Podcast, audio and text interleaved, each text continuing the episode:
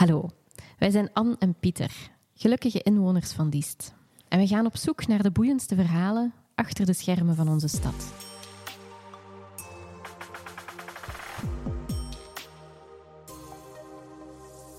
Vandaag is onze gast Jelle Vika, taekwondo-trainer bij Keumgang in Diest en jeugdcoach bij de Federatie Taekwondo Vlaanderen.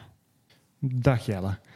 Voor de mensen die jou niet zouden kennen, kan je ons schetsen wie je bent en wat je precies in Diest doet? Ja, ik ben dus Jelle Vika. Ik ben uh, geboren en getogen in Diest. Uh, ik heb er ook altijd gewoond, altijd al mijn activiteiten rond gedaan. En de meesten kennen mij inderdaad van uh, de Taekwondo Club in Diest. Ja. En verder werk ik ook voor het nationaal team daar. Hm. Maar we kennen jou bijvoorbeeld ook van in het zwembad. Want je geeft ook zwemles, ja. denk ik. Ik heb ondertussen inderdaad heel veel activiteiten um, met mijn zwemlesbedrijfje ondertussen. Mm. En de bedoeling is eigenlijk daar, ja, ik werk gewoon graag met, met uh, jobs waarin dat ik uh, doelen van de anderen kan bereiken en zo leren zwemmen. Ik weet zelf wie mij nog heeft leren zwemmen, dus ben ik mm. graag die persoon voor die kinderen. Okay. Ja. Super fijn. Maar ja, zo sportief dan. Ja, de bedoeling ja. is ook een beetje een connectie te maken met de Taekwondo Club. Ja. Uh, zo heb ik veel atleten die bij mij hebben leren zwemmen. Hm. Dus uh, ze beginnen rond vierjarige leeftijd met leren zwemmen, vier, vijf. En dan sommigen stromen door naar een sport, dat probeer ik wel Ja. mee aan te moedigen. En bij sommigen is dat taekwondo dan. Ja. En vanaf welke leeftijd kun je dat eigenlijk doen? Uh, je kan taekwondo ook vanaf vierjarige leeftijd. Zo dat, klein. hebben we, dat hebben we zo vroeg opengezet dan, Ja. eh, voor kleutertjes al. Ehm, dus soms doen ze een combinatie. Komen ze bij, bij ons zwemmen en bij ons taekwondo doen. Mhm. Super. Bij de taekwondo zijn jullie nog niet zo heel lang geleden verhuisd van zaal. Ik had een gesprekje met de schepen gehad van sport. Van kijk, eh, ik weet dat het zwembad in Diest, ehm, we trainen daarboven, dat het ging verdwijnen. en dan ben ik gaan vragen van, is, zijn er mogelijkheden dat we ergens een grond kunnen kopen of dergelijke? Daar waren niet meteen mogelijkheden toe. En ik trainde al in Carteria van Diest, deed ik eh, wel wat fitness, recreatief. En daaruit die zaal vond ik prachtig. En dan wist ik tijdens corona dat die, eh, dat die, ja, die fitnessactiviteiten lagen stil. Dus ben ik het daar eens gaan vragen en ze zeiden al niet nee. Dat vond ik al heel aangenaam. En dan Ja. ben, zijn we verder aan de praat gegaan. En is het zover gekomen dat ze hun fitness verhuisd hebben en dat wij daar intrek konden nemen. Want ik wist, we Ja. konden nu ook niet van de stad verwachten. Ik weet dat er nieuwe accommodatie komt. Maar we hebben 700 vierkante meter nodig voor onze leden. Voor een gevechtsport gaan ze dan nooit voorzien. Dat doen ze in geen enkele stad. Dus eh, wist ik dat we wel zelf ja, de stap moesten nemen naar de privé toe. Ja. Oké. En nu is het dan een van de grootste trainingszalen van het land? Of van Ja, het is, het is een van de... allee, definitely de, mooi, de mooiste. ik, ben, in- ik ben in vele trainingszalen geweest.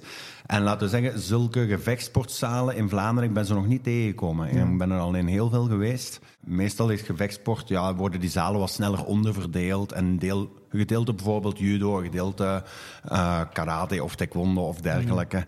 En deze is echt een taekwondozaal. Zoals, eh, zoals ik ervan droomde eigenlijk altijd. hè. Wauw. Super. En dat is dan aan de Carteria? Ja, dat is eh, de bovenzaal van Carteria Diest. Dus ook nog eens gelinkt met een sportcentrum, Ja. eh, wat voor ons heel goed uitkomt, omdat wij hebben redelijk wat atleten op eh, degelijk of hoog niveau. Ja, dat hebben we ehm, gelezen. Die, ja, die maken dan gebruik van, eh, van de fitness. eh, daar is sportmateriaal aanwezig. Carteria Diest is altijd open, dus ze kunnen daar altijd terecht, of feestdagen ook. Eh, wij kunnen daar teams uitnodigen. Kortom, wij kunnen daar onze gang gaan, gelijk als we in de ideale wereld willen eigenlijk. En dat is Mhm. de situatie zoals ze nu is. De weg daar naartoe is wel één geweest met, met wat vallen en opstaan, vermoed ik. Dus toen jij begonnen bent met, met Keumgang, hadden een idee, hadden een visie. En nu zitten dan in die zaal. Wat is de weg daar naartoe geweest ondertussen? Toen dat ik gestopt ben als atleet, ik was toen 24 jaar. Ik was toen net uit het nationaal team gezet. Heel terecht ook, ze herstarten daar. We presteerden al tien jaar eigenlijk eh, daar niet zo goed. En ze herbegonnen daar en ik eh, herbegon ook. Allee, ik begon eigenlijk als coach. En zowel het nationaal team als wij, wij sloegen een heel andere richting uit dan het toen was. En dat was beide ja, eigenlijk boven verwachting. Ehm, Bij het nationaal team hadden ze vrij snel een wereldkampioen zelfs, wat, op, wat toen eh, alleen tien jaar geleden ondenkbaar was. En bij ons, we zaten direct allee, wel vrij snel, of sneller dan verwacht, ehm, bij de jeugd, bij Europese subtop en top. Maar en hoe heb je dat gedaan? Hoe heb je zoiets klaargekregen? Ik ben vrij snel opgepikt geworden. Ah Ja, waar ik ontslagen was als, als atleet, werd ik vrij snel terug opgenomen, maar dan als coach.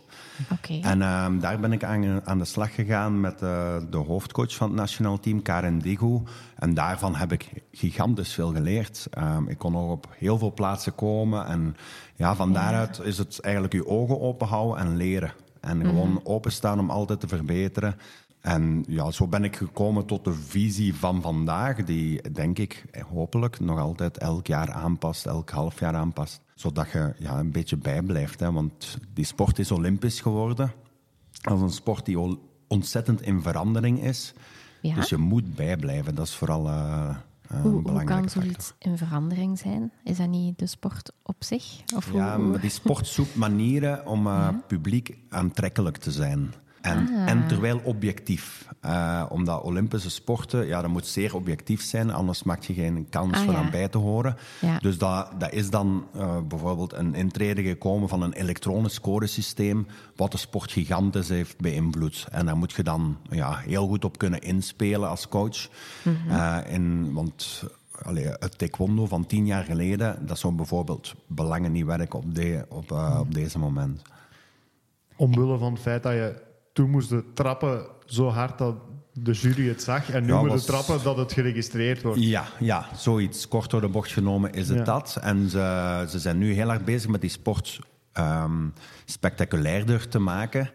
Want gewoon puur efficiëntie is niet altijd zo spectaculair. Dus hogere punten toekennen voor moeilijke technieken en zo. Dus kort door de bocht moet je daar, ja, moet je daar dan ook eh, mee bezig zijn met die... Alleen een beetje een, een tactisch concept eh, uitdenken. Wat gaat ook niet alleen wat het nu is, maar wat je gaat verwachten dat de sport gaat zijn, ook binnen enkele jaren. Oké. Amai. Voor de mensen die niks van de sport kennen, kun je taekwondo even situeren van... Oké, zo onderscheidt zich dat van Ja. karate of van judo. Of, of, en zo ziet een toernooi er ongeveer uit. Ja, taekwondo valt het meeste te vergelijken met karate. Eh, karate hebben, kennen sommigen nog van Karate Kid, de film van vroeger. Ehm, en ja, daar, het voornaamste is de beentechnieken, dus de trappen. Ehm, Alleen taekwondo is op een andere manier geëvolueerd dan karate, doordat het olympisch is geworden en door dat elektronische systeem en dergelijke. Is dat een heel andere, allee, een heel andere discipline geworden eigenlijk. En is dat eigenlijk, ja, we spreken nu ook in onze club van taekwondo sport en niet meer martial arts. Omdat martial arts geeft zo, dan beeldt iedereen zich de, allee, zo oude krijgskunst in, wat het totaal niet meer is. En op judo lijkt het helemaal al niet. Dat, dat, is, dat is een compleet andere sport. Een judoka zou niks van taekwondo kunnen en een taekwondoka zou niks van judo kunnen. Judo is vastpakken en sleuren aan elkaar. En minstens wat je bij taekwondo vastpakt, ja, dan krijg je een, een, eh, een bestraffing. Ah, dat mag niet. En ik denk dat je bij Ah, judo ja. ook een bestraffing zou krijgen als je iemand op zijn gezicht trapt. Dus, dus dat is heel, veel tegenover, heel hard tegenovergesteld. En bij judo ook. Bij ons staan ze eigenlijk op afstand tegen elkaar te trappen. Bij Ja. judo, ja, het Ja. eerste wat er gebeurt is dat ze elkaar Elkaar vastpakken. vastpakken. Dus eh, Ja. ja. dat is een heel Juist. ander gegeven. En hoe scoor je punten bij taekwondo? Door een goede trap te geven. Door een goede trap te geven. Vo- Er zitten sensoren aan de voeten en die moeten connecteren met de sensoren op het lichaam. Dus zo hoofd of bovenlichaam. Bij ons mocht je niet onder de gordel eh, trappen. En sensoren. Bedoelt je dat er echt stickertjes worden geplakt? Ja, geen stickertjes, maar het zijn een soort van ja, sens- sensoren die contact maken. Als die contact maken met het panzer of eh, Ja. de helm, ehm, is, komt er automatische puntenregistratie. En dan is er ook nog wel een scheidsrechter die een bestraffing kan geven of een punt hier of daarbij kan geven. Ah ja. Ehm, Oeh. ja, het is eigenlijk wat ze, wat ze willen, is dat zoiets automatisch gaat. hè. Ze be- beginnen dat zelfs een beetje in gamevorm te gieten. Ja. Dat je zelfs een levenslijn naar beneden ziet gaan, Ja, zo ja. van die dingen. Ja, daar, ex- Ah, ja, daar experimenteren ze mee, omdat Ja. Dat, ja, dat zou de jeugd enorm aanspreken. Ah hè, ja, als, je zelf, eh, als je zelf in een game zit. Ja. Ehm, dus eh, op die manier. Maar het valt er nu al mee te vergelijken, ja. En het is enkel met trappen dat je punten kan scoren. Ook met de vuist. Ja. naar het lichaam. Bij ons mocht je ook niet, eh, niet, niet slagen met de vuist naar het gezicht. Wij hebben een redelijk veilige gevechtsport. Het is wel semi-contact. Je mocht volop naar het gezicht trappen. Maar doordat je al niet onder de gordel mocht trappen, uh, niet uh, tegen het gezicht mocht slagen en niet, niet mocht blijven doorgaan als de andere een zware trap heeft gehad, dan wordt het even stilgelegd om te zien of dat de andere verder kan. Ja. Um, is dat wel een, een, pak veiliger en dat is ook de bedoeling. Um, ik zou niet in een sport willen zitten waarin dat, ja, je iemand zelfvertrouwen, doorzettingsvormen, alles wil proberen bij te brengen. En dat hij dan, zo'n traumatische ervaring heeft. Als ik dan vergelijk met mijn zwemlessen, ja, dan zou dat hetzelfde zijn als ik iemand gewoon zonder bandjes in het water smijt en laat ondergaan. Ja, ja zo, zo leer je het ook niet. Uh, dus, uh, dat, is, dat, is, te chockerend. Dus wij kunnen op deze manier stap voor stap werken en eigenlijk traumatische ervaringen mm. achter ons laten. Al moet je er nog altijd wel ja, vrij hard voor zijn. Hè. Dus, uh, Het is geen sport voor doetjes, dan nu ook niet. Nee. Keumgang heeft ambitie om de beste en de grootste taekwondo-club van het land te zijn. Ja, ja dat laten we. Dat is wel cool, zeg. Waarom dan vanuit Tiest? Is, is de basis hier groot genoeg om de grootste en de beste te blijven? Of, of ja. zou dat niet makkelijker zijn vanuit Antwerpen of Leuven? Of, of van waar die, die, die link met Diest? Ja, dat is een interessante vraag. Want uh, coaches uit het buitenland hebben mij al veel aangeraden van jullie zouden in een grote stad moeten zitten. Maar wij internationaal staan wij tegen naties als Rusland, Turkije, uh, waar ze alleen al een nationaal kampioenschap in Turkije duurt, duurt drie dagen, omdat er duizenden atleten aan meedoen. En wij, wij gaan dan tegen de beste van Turkije vechten met een atleet uit Diest. Ja. Dus eigenlijk is dat, is, dat, is dat onrealistisch dat we dat aankunnen.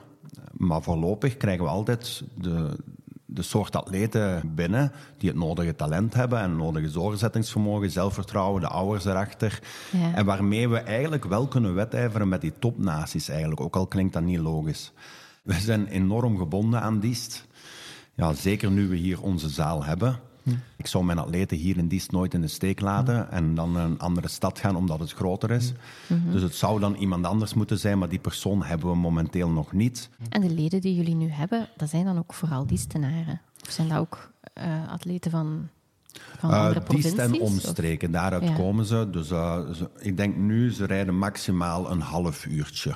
We hebben er ook al gehad die, die een uur enkel reden. We hebben ook nu iemand gehad die uit Nederland verhuisd is naar Diest. Voor uh, hier te komen wonen en te trainen. Niet iedereen traint vijf, zes keer in de week. Ja. Uh, de ouderen zouden dat wel moeten doen. Van 17, 18 jaar, als je de top wil ja. halen, moet je wel uh, aan dergelijke uren komen. Het is een Olympische sport.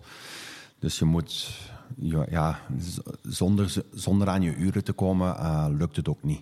En hoeveel uur per week sport je zelf nog? Ja, ik probeer uh, een uur per dag te sporten. Dat is mijn doelstelling, een uur per dag. In ja. de weekends lukt het niet, dat heb ik al -hmm. opgegeven. En dan, dan stop ik gewoon mijn oortjes in en uh, dan ga ik de fitness in en dan bel ja. ik iedereen die ik moet bellen. Want op zich, uh, fitnessen, dat is nu ook geen grote passie van mij, maar op die manier vliegt de tijd voorbij. Heb ik mijn sport gedaan, want ik geloof er wel in. En ondertussen de administratie. Ja, ja onder, ondertussen is de administratie gedaan. Maar ook, ik vind, uh, ik vind als coach, het is, uh, je kunt, je kunt alleen iets zeggen dat, ja, doe dit of doe dat. Mm -hmm. Maar ja, ik vind een beeld zegt veel meer dan, dan woorden daarin. Mm -hmm. Dus het uitstralen, dat vind ik nog, nog een beter voorbeeld. Ja, ja. En, en, zo werken we in de club ook. Niet alleen ik ben het voorbeeld, maar ook zeker de betere atleten zijn, zijn eigenlijk degene die ook mee bepalen hoe dat de volgende atleten worden. Mm. Want die, ze kopiëren van elkaar heel hard. Hè. Ja. Zo'n ander beeld dat we ook zagen in de omschrijving van jullie organisatie is zo de Creating Diamonds. Dat klopt, hè? Dat is ook ja, iets dat, dat, dat, jullie linken aan jullie manier van coachen. Ja. Wat bedoelt je daar juist ja, mee? Eigenlijk, dat komt voort vanuit de naam van de club. Ja, hm. Keumgang. En Keumgang mm -hmm. betekent diamant. En eigenlijk diamant te sterk om te breken. Dat is de Koreaanse ah, benaming ja. daarvoor. Dus zijn we dan vanuit daar aan de slag gegaan. En eigenlijk mm -hmm. Creating Diamonds doelt niet op resultaten. Want eigenlijk zijn wij puur, het lijkt zo, maar wij zijn niet zo resultaatgericht als mensen denken. Okay. Wij zijn het bereiken van potentieel gericht. Ja. En ja, bij sommigen leidt dat nu eenmaal naar heel hoge resultaten, Europees uh, en, en zelfs uh, werelddeelnames en zo. Mm -hmm. um, maar evengoed als dat voor iemand is die met weinig zelfvertrouwen begint, weinig doorzettingsvermogen en die daarin mm -hmm. groeit en daarom zijn groene of blauwe gordel of zo haalt Maar dat is, ja, iedereen zijn potentieel is anders, maar de bedoeling is dat we ermee aan de slag gaan. En die Creating Diamonds, dat doelt vooral op persoonsgebonden doelen. Ja. En uh, daarop zetten we in. En we weten, als we dat gedeelte goed doen, uh, werken aan die persoonsgebonden doelen, mm ja, dan komt het resultaat automatisch. Maar de focus mhm. ligt op wat eronder zit, op de fundamentals eigenlijk. Mm. Dat is echt zo mooi. Mooi dat jullie daar ook de aandacht in steken. En dat ja. Mhm. En mensen zeggen dan, die komen nooit af van, uh, ja, we willen dat onze kind een gouden medaille pakt daar. Zo mhm. komen ze niet. Ze weten nooit dat ze wedstrijden gaan doen. Ze weten zelfs niet dat dat een mogelijkheid is bij ons soms. Mhm. Ze komen echt bij ons langs van kijk, we willen dat ons kind wat meer assertief durft te zijn, wat meer voor zichzelf durft op te komen, zelfvertrouwen heeft, eh, een beetje meer doorzet als het moeilijk is. Ja, gewoon plezier heeft in het sporten ook, vriendschappen legt, discipline, daarvoor uh, komen ze heel vaak. Ja. En dus zetten we daarop in. Ja. En wat was uw eigen drijfveer om ooit met deze sport te starten? Uh, verplichting van mijn ouders. ja, echt? ja, mijn, uh, daarin, daarin uh, snap ik nog altijd niet dat mijn atleten, die, die komen elke dag uit intrinsieke motivatie, hoe oud ze ook zijn, zeggen, ik, ik werd elke keer verplicht door mijn vader van te gaan. Maar ik had ook geen andere nuttige tijdsinvulling op die moment. Ehm, en, de, mhm. en, dan toevallig had ik een succeservaring dan opgedaan toen ik 13, 14 was. Werd ik per ongeluk eigenlijk Belgisch kampioen. Uh, wat? per ehm, ongeluk? Ja, hoe kan dat? Was, uh, ja, hoe kan dat inderdaad? ik, ik vond zelfs dat die tegenstander eigenlijk, dat was toen nog niet met elektronische mm. puntengeving. Ik vond zelfs dat die tegenstander beter was als ik. Ah, eh, ook tijdens dat gevecht. En toch had ik gewonnen, ik snapte het zelf niet. Maar dan door die succeservaring, Belgisch kampioen, een beetje aandacht rond en zo. En dan mhm. had ik zoiets van, ja... Zeg, toen was ik vertrokken en ik ben ja. dan tien jaar niet gestopt. En eigenlijk zelfs heel uh, friekerig ermee bezig geweest. Tot twintig uur trainen in de week. Dat, uh... Ja, ik dacht, ik dacht net te zeggen van, van iemand dat ze naar de trainingen moeten sleuren naar het nationaal team. Stoef eens even. Want we, we zien dat passeren op sociale media. Af en toe is in de gewone krant. Mij lijkt het dat elk toernooi waar dat je aan deelneemt, dat al de tabellen schoonveegt.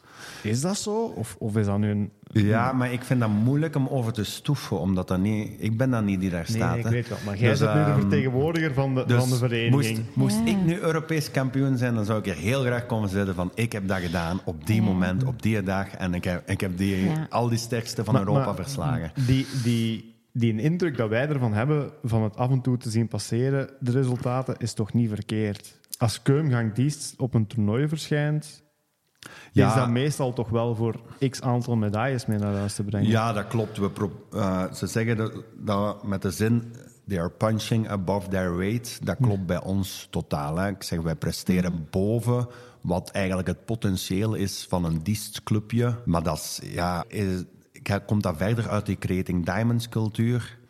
En die sportcultuur die dat bij ons heerst. En veel gaat ook vanzelf. Vandaar dat ik niet kan zeggen van kijk, dit is door mij. Nee, nee, dit is door, door de groep die dit continu creëert. Ja, ouders, andere trainers, de atleten vooral zelf.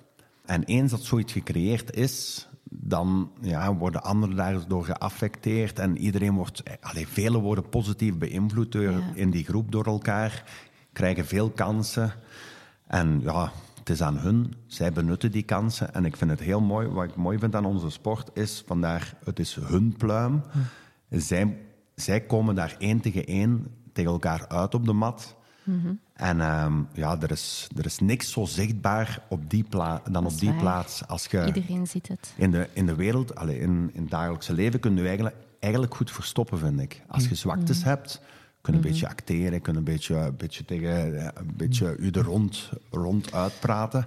Ja. Op de mat is dat zo, zo puur als iets. Ja. Dus elke zwakte die dat je vertoont, zal zichtbaar worden. En dat is uh, zichtbaarheid is een, een, voet in je gezicht krijgen. Hè. Ja. Zeg, een trap in je gezicht. Hè. Dat dus dat is, uh, dat is heel vernederend dan ook nog eens. En dat jongeren zich in die positie willen gaan zetten, want ze worden er niet voor mm. verplicht, dat, dat vind ik heel knap. Ja. Maar ja, dat is waar eigenlijk. Wat zijn zo hoogtepunten die je meegemaakt hebt de laatste tien jaar van toernooien of medailles, dat je denkt van, wow, dat was toch wel straf? Sinds dat wij het overgenomen hebben eigenlijk, een, een acht à negen jaar dus. hebben we een zeventiental, denk ik, uh, Europese medailles verzameld. Um, Zeventien? Ja, maar de club bestaat al, al, al veel langer, sinds 89 dacht ik. En daarvoor hadden we nog nooit, een, nog nooit in de buurt geweest van een Europese medaille. Dus dat, dat was dan heel snel. Ja, um, ja die, die eerste die, die bleef enorm Allee, speciaal, omdat dat meteen ook een Europees kampioen was. En we hadden nog geen Europese medailles gehaald. Mhm. Dus dat was, ja, was mind-blowing en daar een beetje... Uh, daar heb ik lang op polken gelopen, moet ik oh, zeggen. Um, ja. Nu daarna proberen te bevestigen en hebben we is, uh, twee Europees kampioenen gehad in de tijdspanne van 10 minuten, want die moeten vlak, moesten vlak naast elkaar, uh, na elkaar. En dan weten van, kijk, oei, gaan we dit nog ooit kunnen evenaren? En eigenlijk hebben we een beetje, een beetje te veel op die momenten gezegd van, oh, dat gaan we nooit meer meemaken. Mm en dan volgende keer was het weer zo en weer zo en weer zo. En eigenlijk elke keer is, elke keer is dat wel, wel hoog gaan in emotie en wel heel, ja. heel speciaal. Um, ja. ja, dan hoop ik toch dat we nog heel vaak uh, krantenartikels mogen zien passeren, of uh, op Facebook mogen zien passeren, dat jullie uh, nog eens x aantal medailles gehaald hebben op een toernooi. Ik vind het altijd fijn om te zien. Ja, ik hoop dat ook. En anders deel ik berichten uit het verleden. Hè. je hebt zo herinneringen in Facebook. Ja, ja, ja, Twee jaar geleden, drie jaar geleden. maar ja, en dat jullie gewoon echt mogen blijven groeien als club. Hè. Ehm, ja, want het is een hele mooie uh, filosofie. En, en het zou eigenlijk in, in meerdere sportdisciplines en, en in meerdere clubs op die manier moeten gebeuren. Dat dat dat het proces en dat die atleten centraal staan en niet per se die resultaten altijd. Mhm. Eh, nee, inderdaad. Het is, het is een moeilijke, hè, want ehm, ik, ik, moet eerlijk zijn, toen als ik begon als coach, je, je hebt ook een beetje profileringsdrang. Hè? Mhm. Dus ik begon als coach. Mhm. Oh, ik wil mezelf hier gaan bewijzen. Ja. Ja, en dan, ja, door de jaren heen heb ik wel geleerd dat dat een foute filosofie is. Want ik moet mij niet gaan bewijzen. Zeg, ik moet, moet mijn job doen. En wat is mijn job? Oké, ja, goed taekwondo aanleren. Ik zeg, en al die normen en waarden aanbrengen. En eigenlijk mhm. er gewoon op vertrouwen van, kijk, als jij je job goed doet, dan gaat het daartoe komen. Mhm. Maar gewoon ja, profileren als coach. Kijk, ik heb hier 100 medailles of ik heb hier zoveel medailles mhm. gehaald. Ja, jij hebt niks gehaald. Het zijn atleten die het gehaald hebben. Ik heb niks gehaald ten eerste al, inderdaad. En dat maakt u ook niet beter. Ehm, uh, een coach is een dienende rol. Hè. Uh, dat is, als, een, als een coach het voor zijn eigen ego doet, ja, moet je een anders op gaan doen. Of, uh... Zeg, en hoe word je zo een coach? Heb je daar een opleiding voor? Of hoe, eh? Ja, je moet, uh, je moet ervoor gestudeerd hebben, dat vind ik wel. Want je moet bepaalde dingen wel weten. Hoe dat je, allee, hoe dat je, ik doe ook fysieke begeleiding voor mm -hmm. uh. En je moet toch wel weten wat dat erachter ligt, wat dat nodig is. Je kunt mhm. bijvoorbeeld niet iemand een heel jaar lang heel zwaar training geven. Je moet weten te periodiseren, want daar komt dan ook mm blessurepreventieve training en zo bij zien. En dat ja, daar ben ik in geïnteresseerd geraakt, ook doordat ik zelf heel veel geblesseerd ben geweest. Ah, ja. um, mij stuurden ze vijf weken naar Korea en ik kwam terug met zes breuken in mijn rug.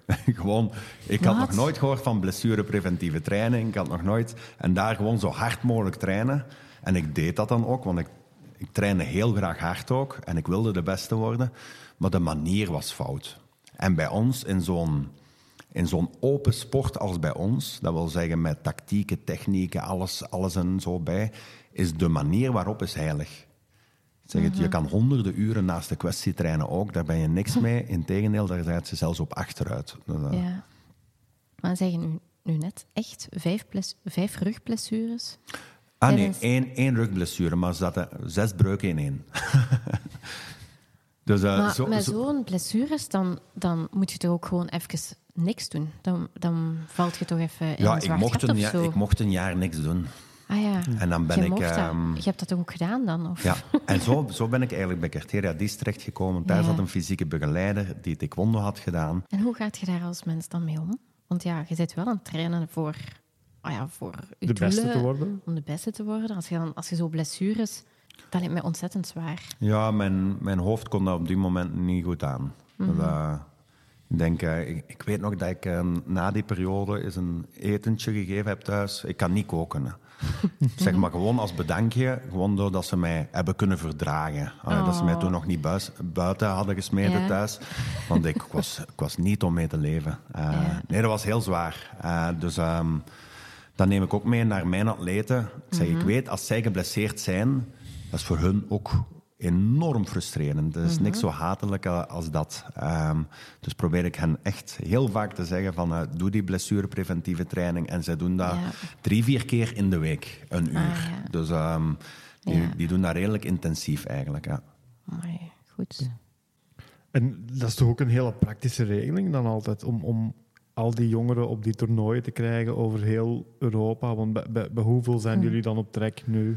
Ja, soms als we een brede selectie hebben, soms wel eens een stage die we wat meer openzetten naar iedereen. Zoals in Griekenland afgelopen zomer. En nu gaan we deze winter uh, in Duitsland terug een stage doen. Uh, als het met vliegtuig is, dat is, uh, dat is Heel vervelend. ik ben soms, ik ben soms uh, heel de dagen bezig met de boeken.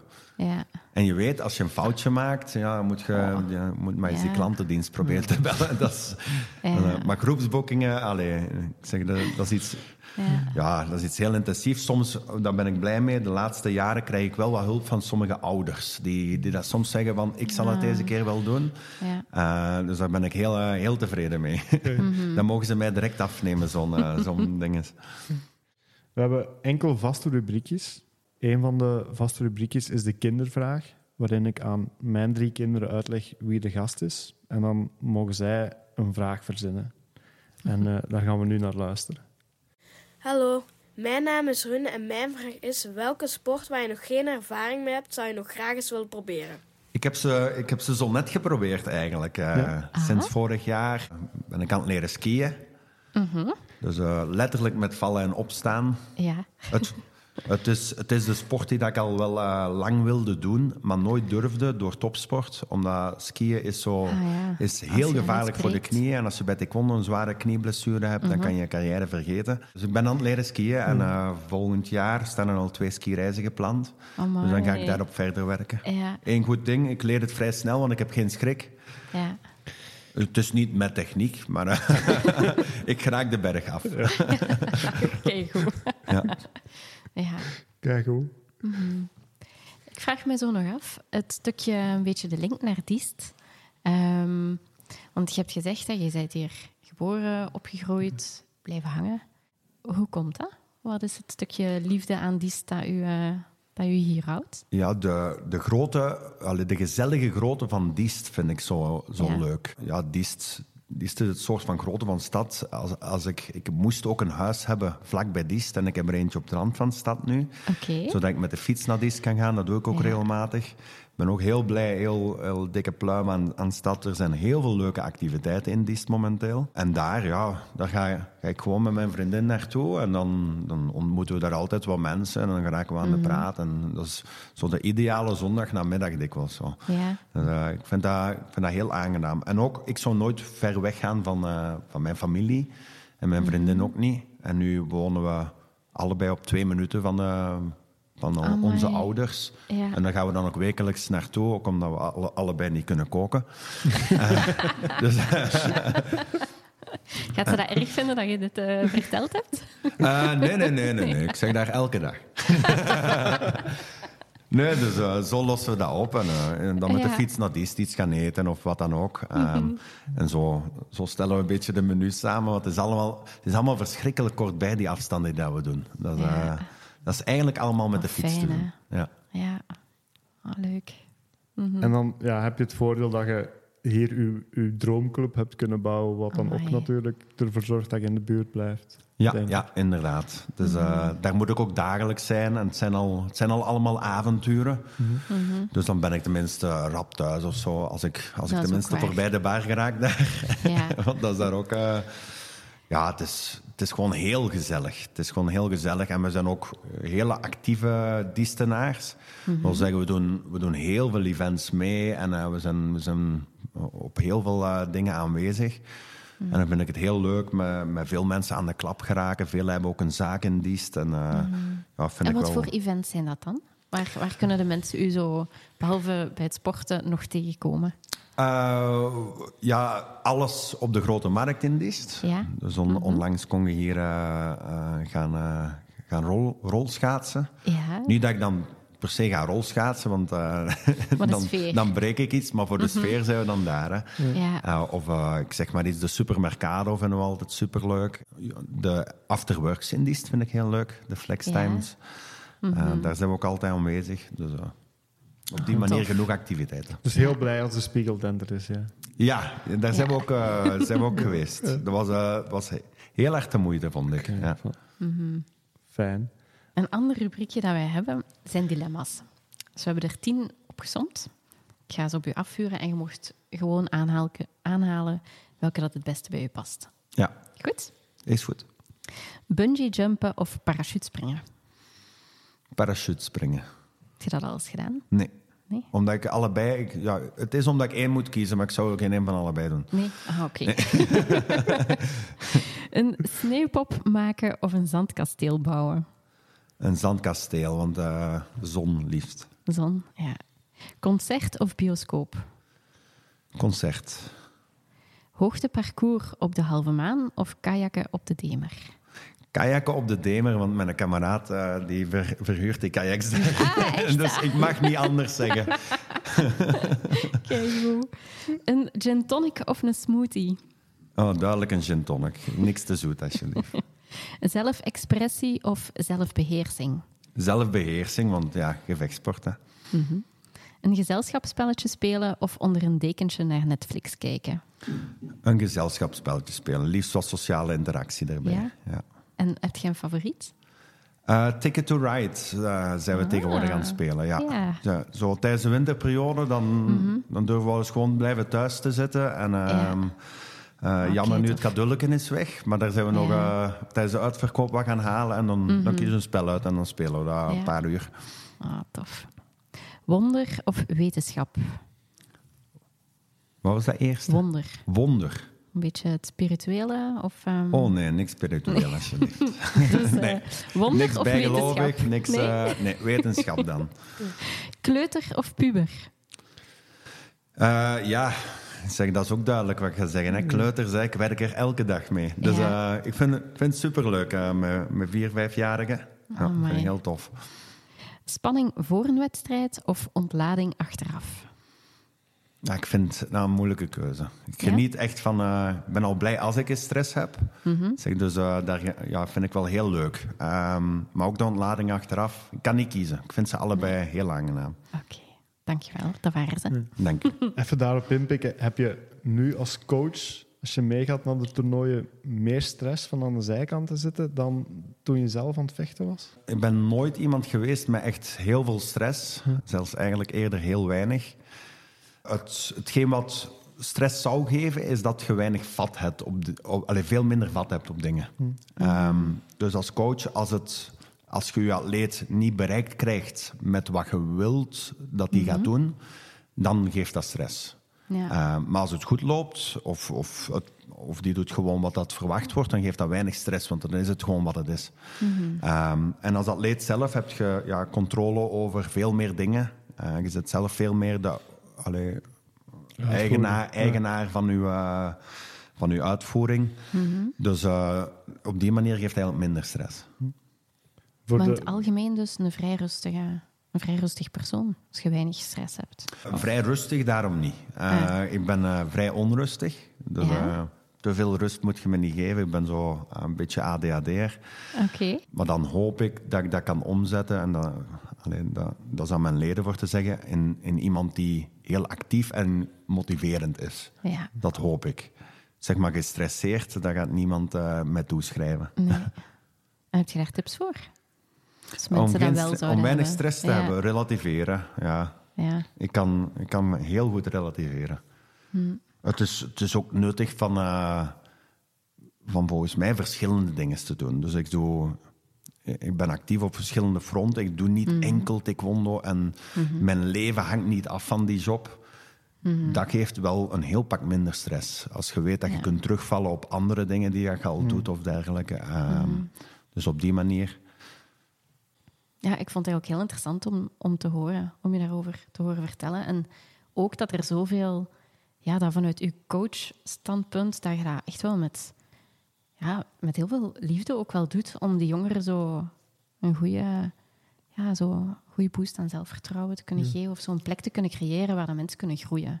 Zo, dat vind ik wel echt heel knap. Die cultuur creëren, dat is op zich ook ja, waarom dat we het doen. Die cultuur waarin iedereen eigenlijk zich goed voelt, ook mhm. de trainers. Mhm. Ik heb me al vaak de vraag gesteld, die taekwondo op zich, um, ik verveel me nogal snel, maar die sport verveelt mij niet, niet ja, die conclusie kan ik nu wel trekken. Maar dat is niet per se omwille van de technische aspecten of de tactische aspecten of mhm. zo. Dat is gewoon omdat je ja, eigenlijk hebt een tool voor met mensen bezig te zijn.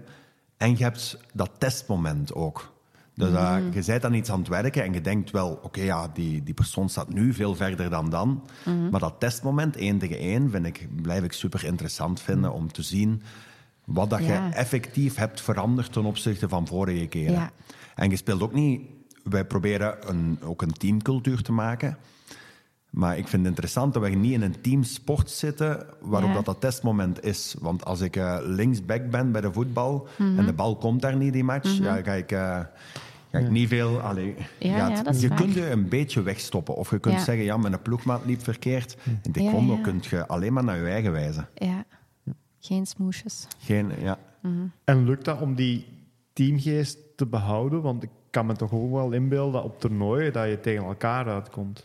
Uh, ja, als leden komen soms tegen elkaar uit. Dat is niet gemakkelijk, uh, die teamcultuur bewaren. Um, een factor die daar enorm belangrijk in is, is het gezin. Ja. Zeg, als ze met, wij betrekken ook heel hard de ouders en zo bij ons. Met, met mhm. alles erop en eraan, het positieve en het moeilijke. En uh, het positieve blijft gigantisch doorwegen. Maar als de gezinscultuur in de clubcultuur gelooft en die denken, oh maar jullie zijn wel echt iets goed bezig met dat kind, want uh, ja, die leert dit bij en dan hebben we het over waarde, niet die haalt die medaille of die haalt die medaille. Mm zeg, dan is het gesloten ook voor het kind. Dan is, dan is die omgeving gecreëerd en dan gaat hij daar niet uitstappen. Dan gaat hij niet, ik heb nog nooit een atleet gehad die uit zijn eigen dan gaat zeggen ja, maar eh, zeg, zo, zo kan het niet verder en zo en zo en zo. Mhm. Wanneer dat gezin en, en club achter hetzelfde staan en hetzelfde, boodschappen brengen en dezelfde positiviteit mhm. uitstralen, dan gebeurt dat nooit. Mhm. Maar dat is, dat is de moeilijke partner die je dan met iedereen moet maken. En die taak heb ik dan om met 50, 60 ouders te doen. Dus dat is het moeilijkste aan mijn job. Ja. ja. ja. Zeg maar, en kunt je als volwassene, als je nog nooit ervaring hebt gehad, instappen bij jullie? Of is het enkel om. Nee, je kan absoluut. Je kan op elke leeftijd instappen. Maar wel met realistische doelstellingen. Oké. Dus ehm, wat, we, wat, we, bijvoorbeeld nooit doen, is iemand, zelfs al wil die dat, een wedstrijd laten meedoen. Als ik acht dat het niet veilig is, ah, ja. dan is het niet oké. En ehm, als je nou, iemand hebt die op laat, latere leeftijd instapt, is die kans natuurlijk veel groter. Want die komt mm. waarschijnlijk iemand tegen die al wel 10, 15 jaar die sport doet. Ja. Ehm, dus dat is het enigste. De veiligheidsfactor moet gerespecteerd worden. Maar die kunnen gewoon instappen en uh, de trainingen meedoen die, dat ze, mhm. die dat ze willen. En er zo ver in gaan als dat ze zelf uh, Conditie willen. Ja. Daar stond ik samen met Serge. Is het echt? Ja. Ah, het is samen met Serge Stukken ja. komen trainen toen. Ah, dat wist ik niet. Ja. Maar het was heel fijn, want uh, ik weet nu niet bij u, maar hm. Serge bleef ook altijd hangen in de, en het uh, was een leuk sociaal gebeuren met, met hem ook. En, dus, uh, en dat is nog altijd zoals ik die tegenkom. Ik kwam hier een paar weken geleden tegen. was heel gemoedelijk, heel leuk. Mhm. Dat is ook zo plezant. Als, uh, als je zo lang in zo'n club en zo lang coach... En mhm. op, op de duur krijg je je eigen ja, studenten... Mm krijg je, komen eens tegen in dienst. En zo wel eens leuk van te checken van... Uh, wat doet jij nu? En wat sommigen doen dan ondertussen advocaat of wat dan ook. We kunnen alleen maar trots zijn. Ja. Absoluut. Wat ik me herinner van, van de paar trainingen dat ik geweest ben, ja. taekwondo is veel roepen. Kan je dat ook eens uitleggen? Want ik Anne gaat, dan, Anne gaat nu, kijk nu van wat de hel. Wat de hel, Pieter, wat vraagt jij nu? waarom, waarom moet je roepen bij taekwondo? Ja, het, je um, moet roepen, hè? Het helpt ons een beetje um, voor een deel de motorische activiteit beter te maken, maar zeker ook het persoonsgebonden. Als je durft te gaan roepen, dat wil toch een beetje zeggen van kijk, hier ben ik. Ja. En dat is eigenlijk, voor sommigen is dat een beetje zelfvertrouwen faken. Maar ik geloof daar ook in, als je een beetje gedrag fake soms, dan kan dat echt gedrag worden. Ja. ja? En natuurlijk, als heel de zaal daar zit te roepen, dan ja, dat, dat creëert een bepaalde sfeer dat je je oefening sneller gaat doen, krachtiger gaat doen, met meer overtuiging. Je moet maar eens proberen bijvoorbeeld een beweging te doen, heel hard te roepen en die beweging niet overtuigend te doen. Dan klopt de klank niet bij het mhm. gebeuren. Dat is zoals een slogan dansen op, op techno. Dat, uh, dat, dat, dat, dat, fixt niet natuurlijk. Dus dat, dat helpt onze training een beetje te boosten. Onze zaal is daar ook op ingericht. Dat zijn zo heel veel ledlichten overal. Ja, dat we, dat, we kunnen dat alle kleuren geven. Mm En um, dan hangt een, een goede muziekinstallatie. En we, soms, wanneer dat we tempo willen, dan zetten we die muziek wat meer upbeat. Mm. Ja, dat het wat sneller gaat. En wanneer dat we bijvoorbeeld stretching geven, wat rustige muziek. Maar dat is, ja, dat is de, de flow die dat we proberen te bepalen mm. met zulke trucjes eigenlijk. Ja. Ja. ja. ja. Ja, ik wist dat, dat bij theater moeten, moesten we dat ook doen. Hè. Als je dan aan het, aan het vechten bent, dat je dan wat extra geluid daarbij geeft om dat wat echter te laten lijken. Maar ik snap de logica. Ja. Ja, bij tennis roepen ze ook als ze om de bal slagen. Ja, dus, uh, ja het, het, het, helpt, het helpt effectief van, uh, van uh, extra, die kleine extra percentages te doen. Zeg maar bij de bij de jeugd is dat niet, zijn die kleine extra percentages niet super belangrijk, maar het, mhm. geeft, het geeft hun een extra boost. Ja. En het is ook inlevingsvermogen. Hè. Als, ze, mhm. als ze een film zien of zo, dan zetten ze ook een geluidje onder een slag of een mhm. stoot of zo. Zeg, als het allemaal zonder geluid is, dan is dat niet zo, uh, niet zo spectaculair. Ja. Oké, top. Ik vond het echt heel interessant. Want ik ben niet zo sportief en ik wist daar eigenlijk echt nauwelijks iets van. Maar je hebt toch een beetje opgezocht, hè? Ja, een beetje, maar ja. maar dankjewel. Echt waar. ik vind het heel fijn om je beter te leren Het was heel fijn om, om je te, te, gast te hebben, om, om de filosofie en de verhalen achter al die hele toffe berichten dat we vanuit Keumgang te zien krijgen, om daar dat verhaal achter te horen. Want dat mhm. maakt het gewoon nog mooier, hè? Zoals gezegd, medailles zijn belangrijk om het te promoten, maar de filosofie erachter die is eigenlijk pas goud waard. Ja, dan heb je het goed begrepen.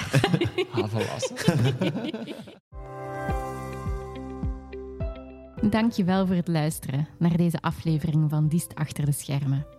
En een speciale dank aan de Cultuurraad voor hun waardevolle steun, waardoor we deze verhalen kunnen blijven delen. Vergeet niet te abonneren, zodat je geen enkele aflevering mist. Blijf nieuwsgierig, blijf verbonden en tot een volgende keer bij Diest achter de schermen.